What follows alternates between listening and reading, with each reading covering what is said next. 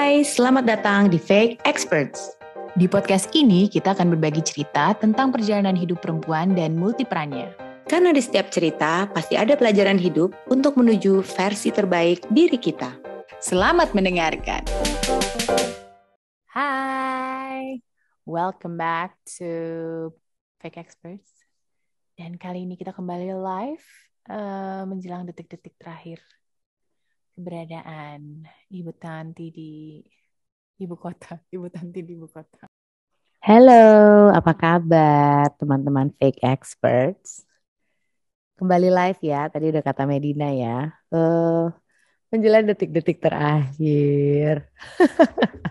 apa lo detik-detik terakhir ya kan? Mau ke mana gue? Semoga teman-teman ini ya, fake expert sehat-sehat selalu ya, baik-baik. Jasmani rohani selalu ya di setiap ini ya kita setiap mulai podcast sekarang mendoakan orang ya maksudnya biar hidup itu bahagia terus sehat terus gitu loh nggak e, sakit-sakit ya karena belakangan musim sakit terus ya Iya betul.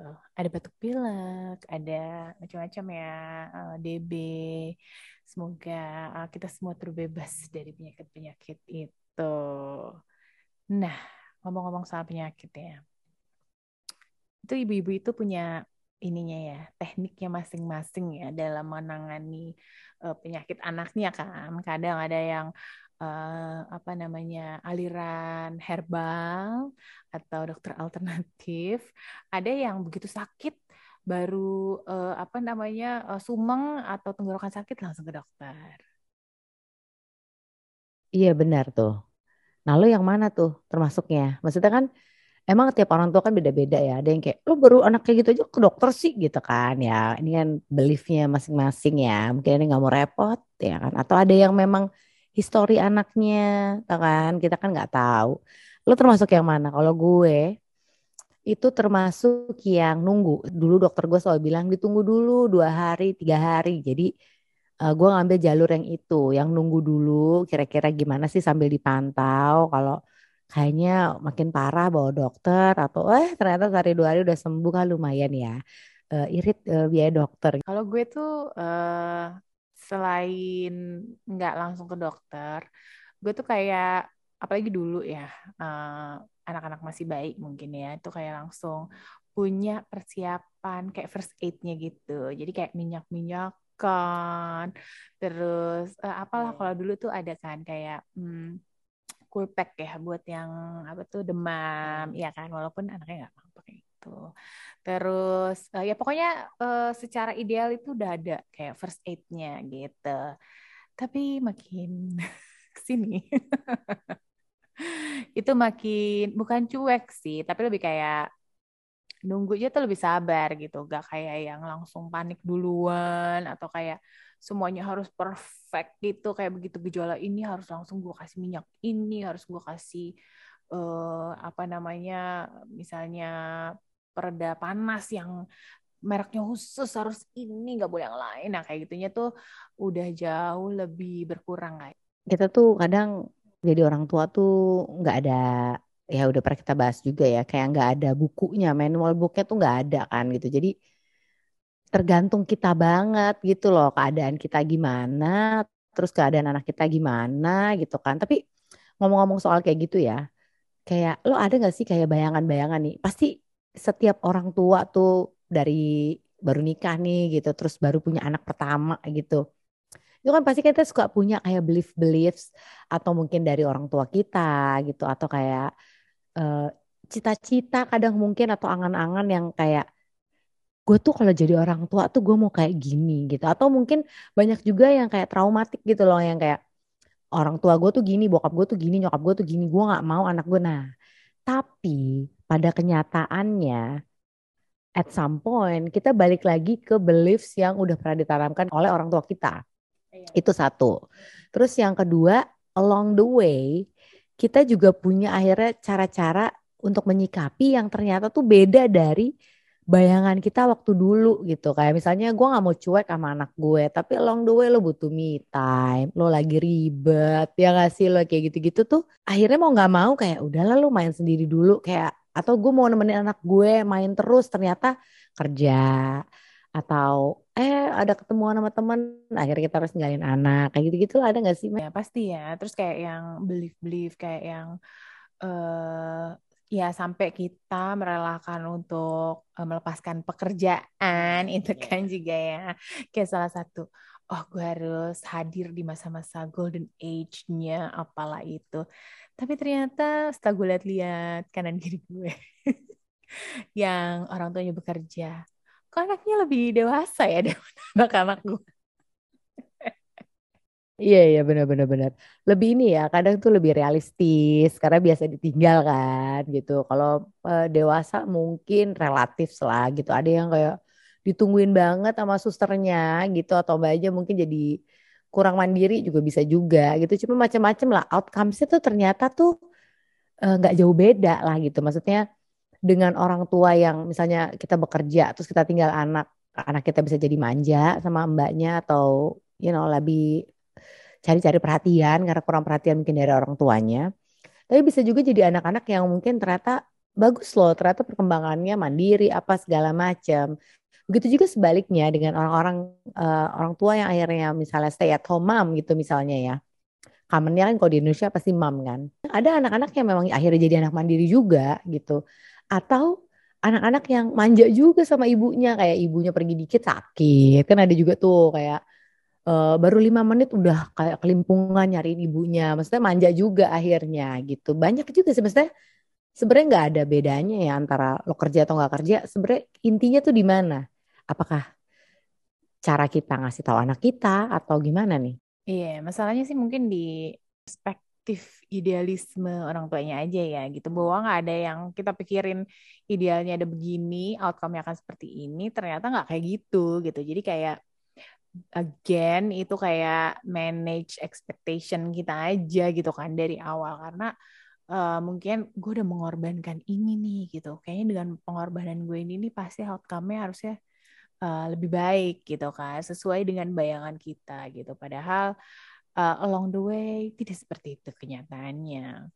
Selain uh, apa tadi Iya masalah pekerjaan juga kalau gue dulu masalah uh, lifestyle ya kayak dalam memberi makan anak iya lu tau sendiri ya dulu dengan idealisme idealisme harus uh, seperti ini harus seperti itu gitu kan plus ada uh, kayak pantangan-pantangan alergi gitu kan. Terus ditambah-tambah aja sendiri kayak maunya yang organik, maunya yang fresh ya kan, selalu gitu kayak anti apa namanya uh, frozen food. Nah itu hanya bertahan ya dua tiga tahun pertama aja. Iya tuh benar juga tuh kayak uh, kita kan nggak tahu ya kalau anak kita tuh dulu lahir dengan alergi ya gitu yang maksudnya bayangan kita di awal tuh pasti ya anak uh, sehat oh oke okay, sehat. Memang anak kita terakhir sehat gitu kan.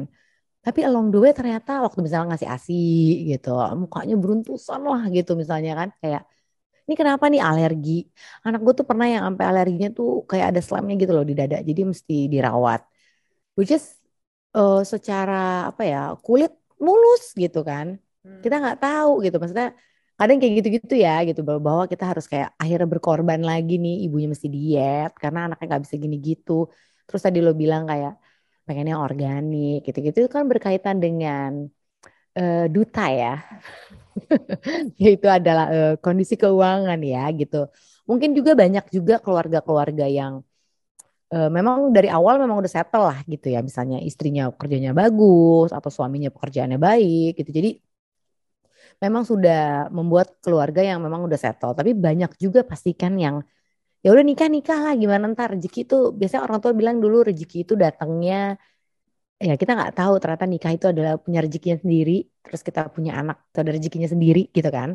Which is itu juga nggak apa-apa juga. Terserah aja orang mau pilih yang mana kan. Mau yang kita settle dulu deh semua muanya punya rumah punya ini ya terserah atau mau yang kita nebeng dulu ngontrak dulu juga terserah gitu. Tapi kan itu balik lagi ya keuangan tadi. Ini balik ke yang organik itu idealnya gitu. Pengennya nih gue gitu. Gue juga ada sih kepengenan yang kayak tau gak sih giling beras merah tuh dulu supaya anak nanti kalau udah asip ya makan buburnya pakai asli beras merah, bener-bener beras putih, bener-bener mungkin yang hitam gitu, terus yang salmon ini gue berasa banget sih di anak pertama sama kedua ya.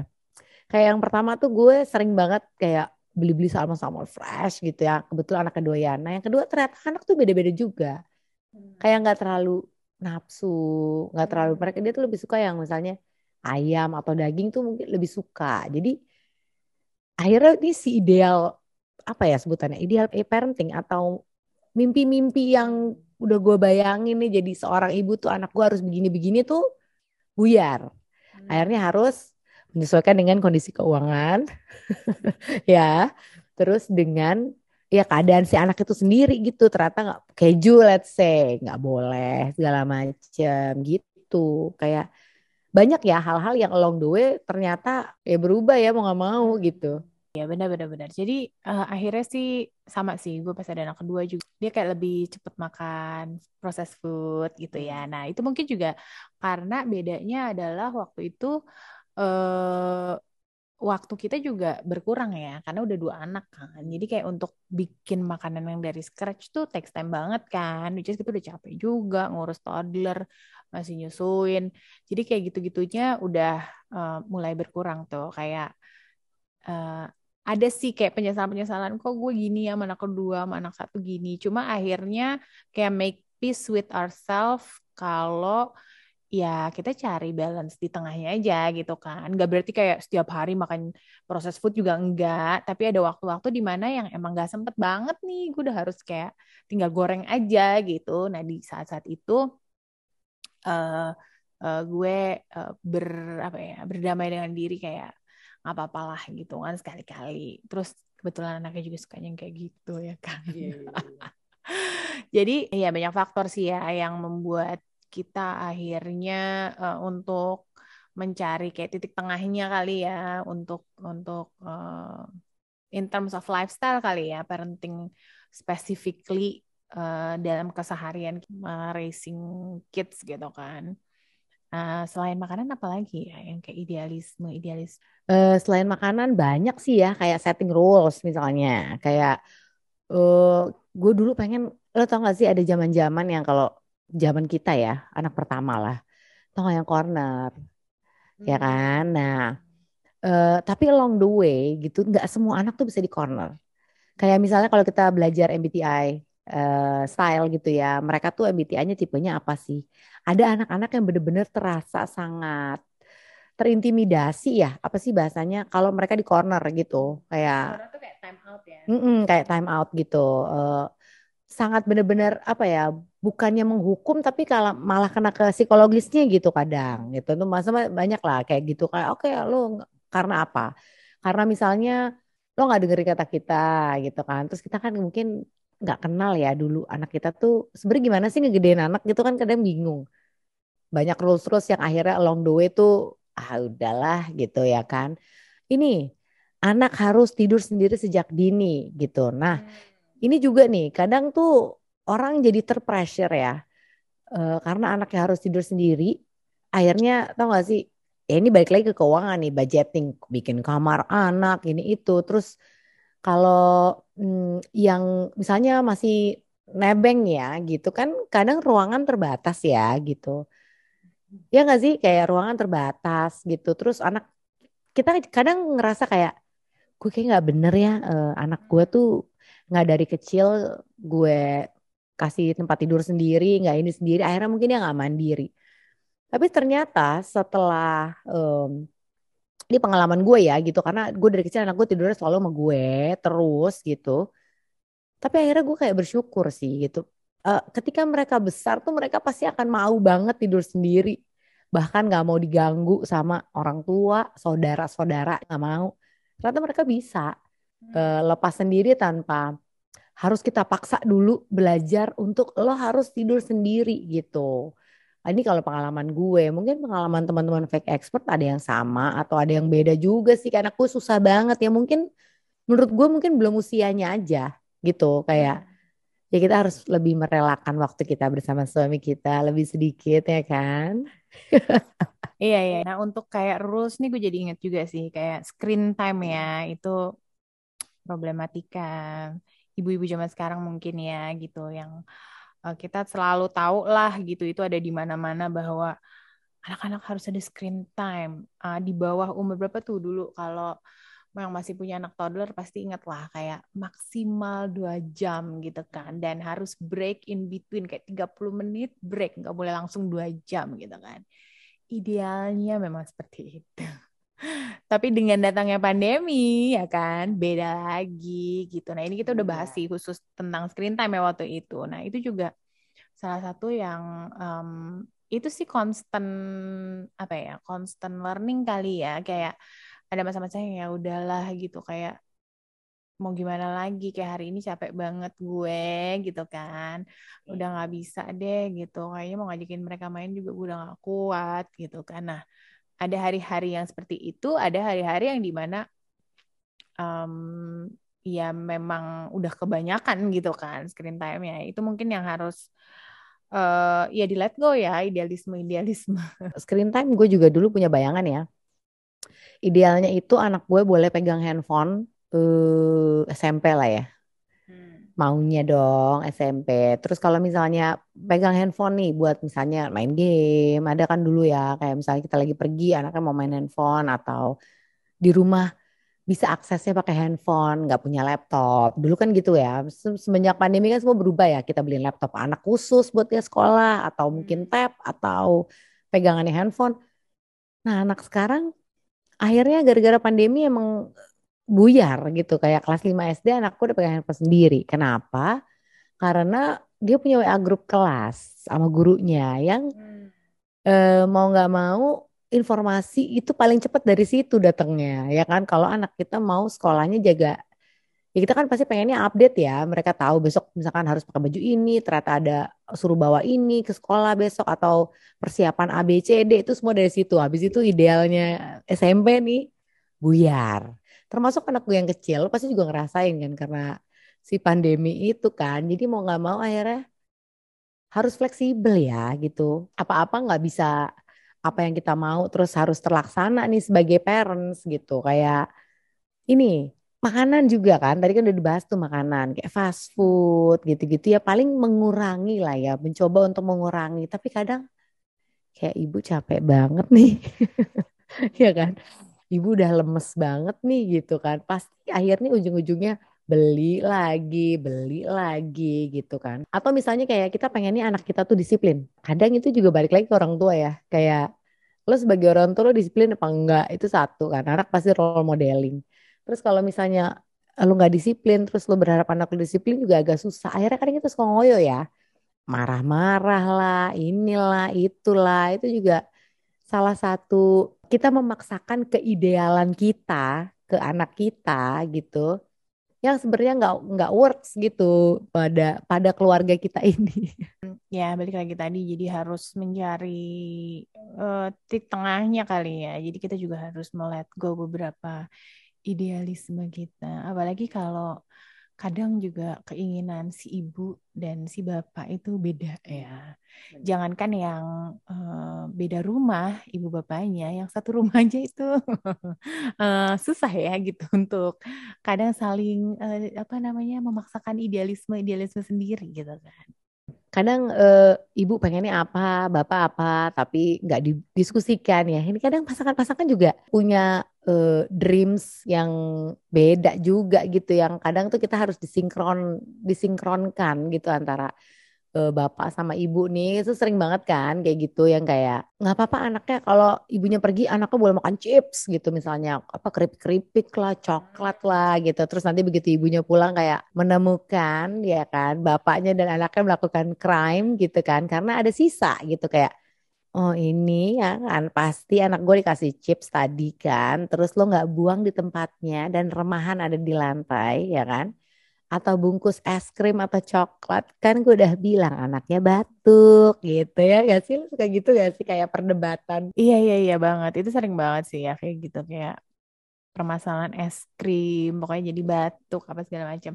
Kalau gue ini kayak kenapa ya anak-anak gue ini tiga-tiganya sangat excited kalau diajakin pergi ke bengkel atau tempat cuci mobil lah bapaknya ya Ternyata itu selalu ada uh, telepon gitu di uh, penghujung sore biasanya udah selesai dari cuci mobil. Kita selalu menanyakan, Bu, kita boleh nggak makan pizza?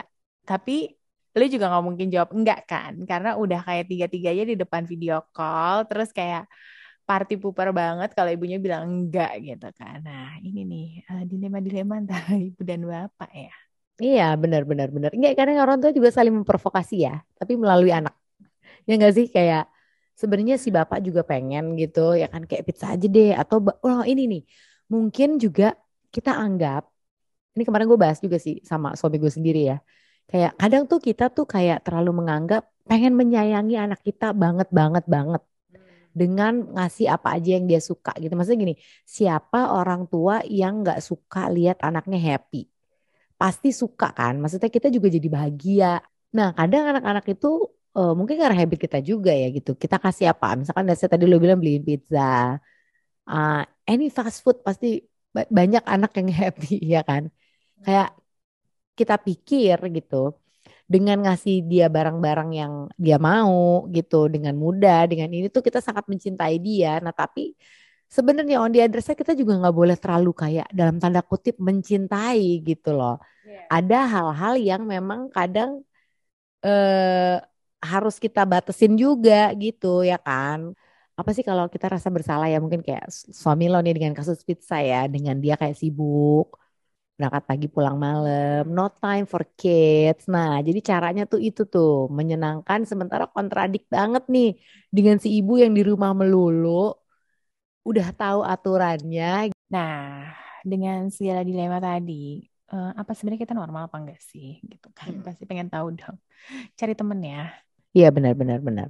Apakah misalnya kalau kita tadi itu terlalu uh, set rules banget normal enggak sih? Terus kalau tiba-tiba kita nggak komit di tengah jalan karena keadaan ya gitu. Maksudnya komitmen tuh penting, konsistensi tuh penting gitu ya dalam parenting menurut gue. Tapi kan along the way nih kita harus juga menyesuaikan dengan harus adaptif ya, menyesuaikan dengan keadaan dan keadaan anak, keadaan kita, orang tua dan lingkungan lah dan segala macam gitu. Kadang emang kita suka berpikir kayak gue tuh sebenarnya oke okay gak sih kayak gini gitu. Iya iya, jadi ini ada beberapa hal menurut Todden.com yaitu Toddlers Den, singkatannya dari toddlersden.com. Nah, dia bilang itu di uh, masa sekarang ini, khususnya di generasi kita itu banyak sekali challenges sebagai parents ya. Nah, salah satunya tadi, kayak yang lo bilang, jangan-jangan kita terlalu memanjakan anak kita. Nah, ini ternyata memang salah satu isunya adalah being afraid to say no. Jadi kita uh, sering kali mm, saying yes gitu kali ya ke anak-anak kita. Terus yang kedua, permasalahannya itu juga culture of blame karena so much information kayak anak lo udah lepas uh, pampers gitu ya kan? Terus uh, emang udah umur berapa? Kok masih pakai pampers? Kayak gitu-gitu. Itu juga ternyata permasalahan parenting zaman sekarang. Jadi kita uh, pressure-nya memang lebih banyak ya gitu. Culture blame juga nih gue kayaknya nih. Ini culture bersaing ya kayak oh anak gue udah bisa lari, anak lo belum gitu. Kayak kok bisa sih anak lo nggak bisa lari ya umur segini atau belum bisa ngomong kadang ya. Kalau sekarang tuh suka banyak Inggris Indonesia atau mungkin ada bahasa lain gitu kan. Yang kadang bikin ngomong kadang kayak anak lo kok udah berapa tahun ngomongnya masih susah sih. Nah itu kan juga pressure-pressure yang kadang kita sebagai orang tua yang anaknya kayak digituin ya kepikiran lah paling enggak. Ya, terus uh, yang ketiga itu balancing family and career. Nah, ini juga mungkin tadi ya dengan banyaknya perbandingan-perbandingan antara orang tua yang di rumah, yang bekerja, terus uh, responsibilities uh, di rumah, uh, apa namanya karena kesibukan bekerja itu juga salah satu issues parenting kita saat ini. Terus yang keempat itu ensuring children receive a quality education. Nah, ini juga ya kayak uh, oh uh, kurikulumnya kurikulum apa sekolah anaknya. Nah, kayak gitu-gitu ya. Untuk ibu-ibu yang kurang uh, mendalami seperti saya dulu itu uh, suka terpaku diam aja jadinya kan. Sekarang IB kan, semua orang ngejarnya IB karena IB itu gini gini gini gini gitu. Nah, yang terakhir itu uh, tadi untuk merap up semuanya intinya sih memang overload of information ya. Jadi kesimpulannya sih uh, bahwa kita semua tidak sendiri kok gitu. Kita masih juga me mencari jalan gitu mana yang benar mana yang menyimpang. Tapi semoga uh, selalu balance dan uh, tadi juga dibilang di salah satu artikel New York Times.com kalau nggak salah. Yang penting konsistensi. Dan itu memang yang paling sulit.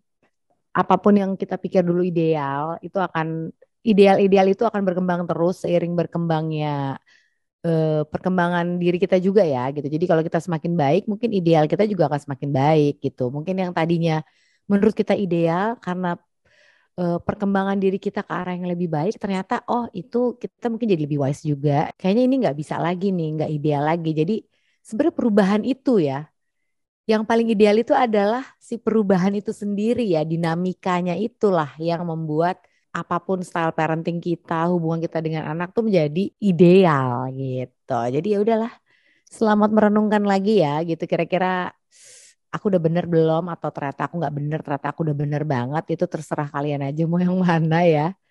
Selamat menjalankan hidup selamat bersenang-senang dengan keluarga. Bye. Please subscribe our podcast, Fake Experts. And follow our Instagram at fake.experts. Fake Experts.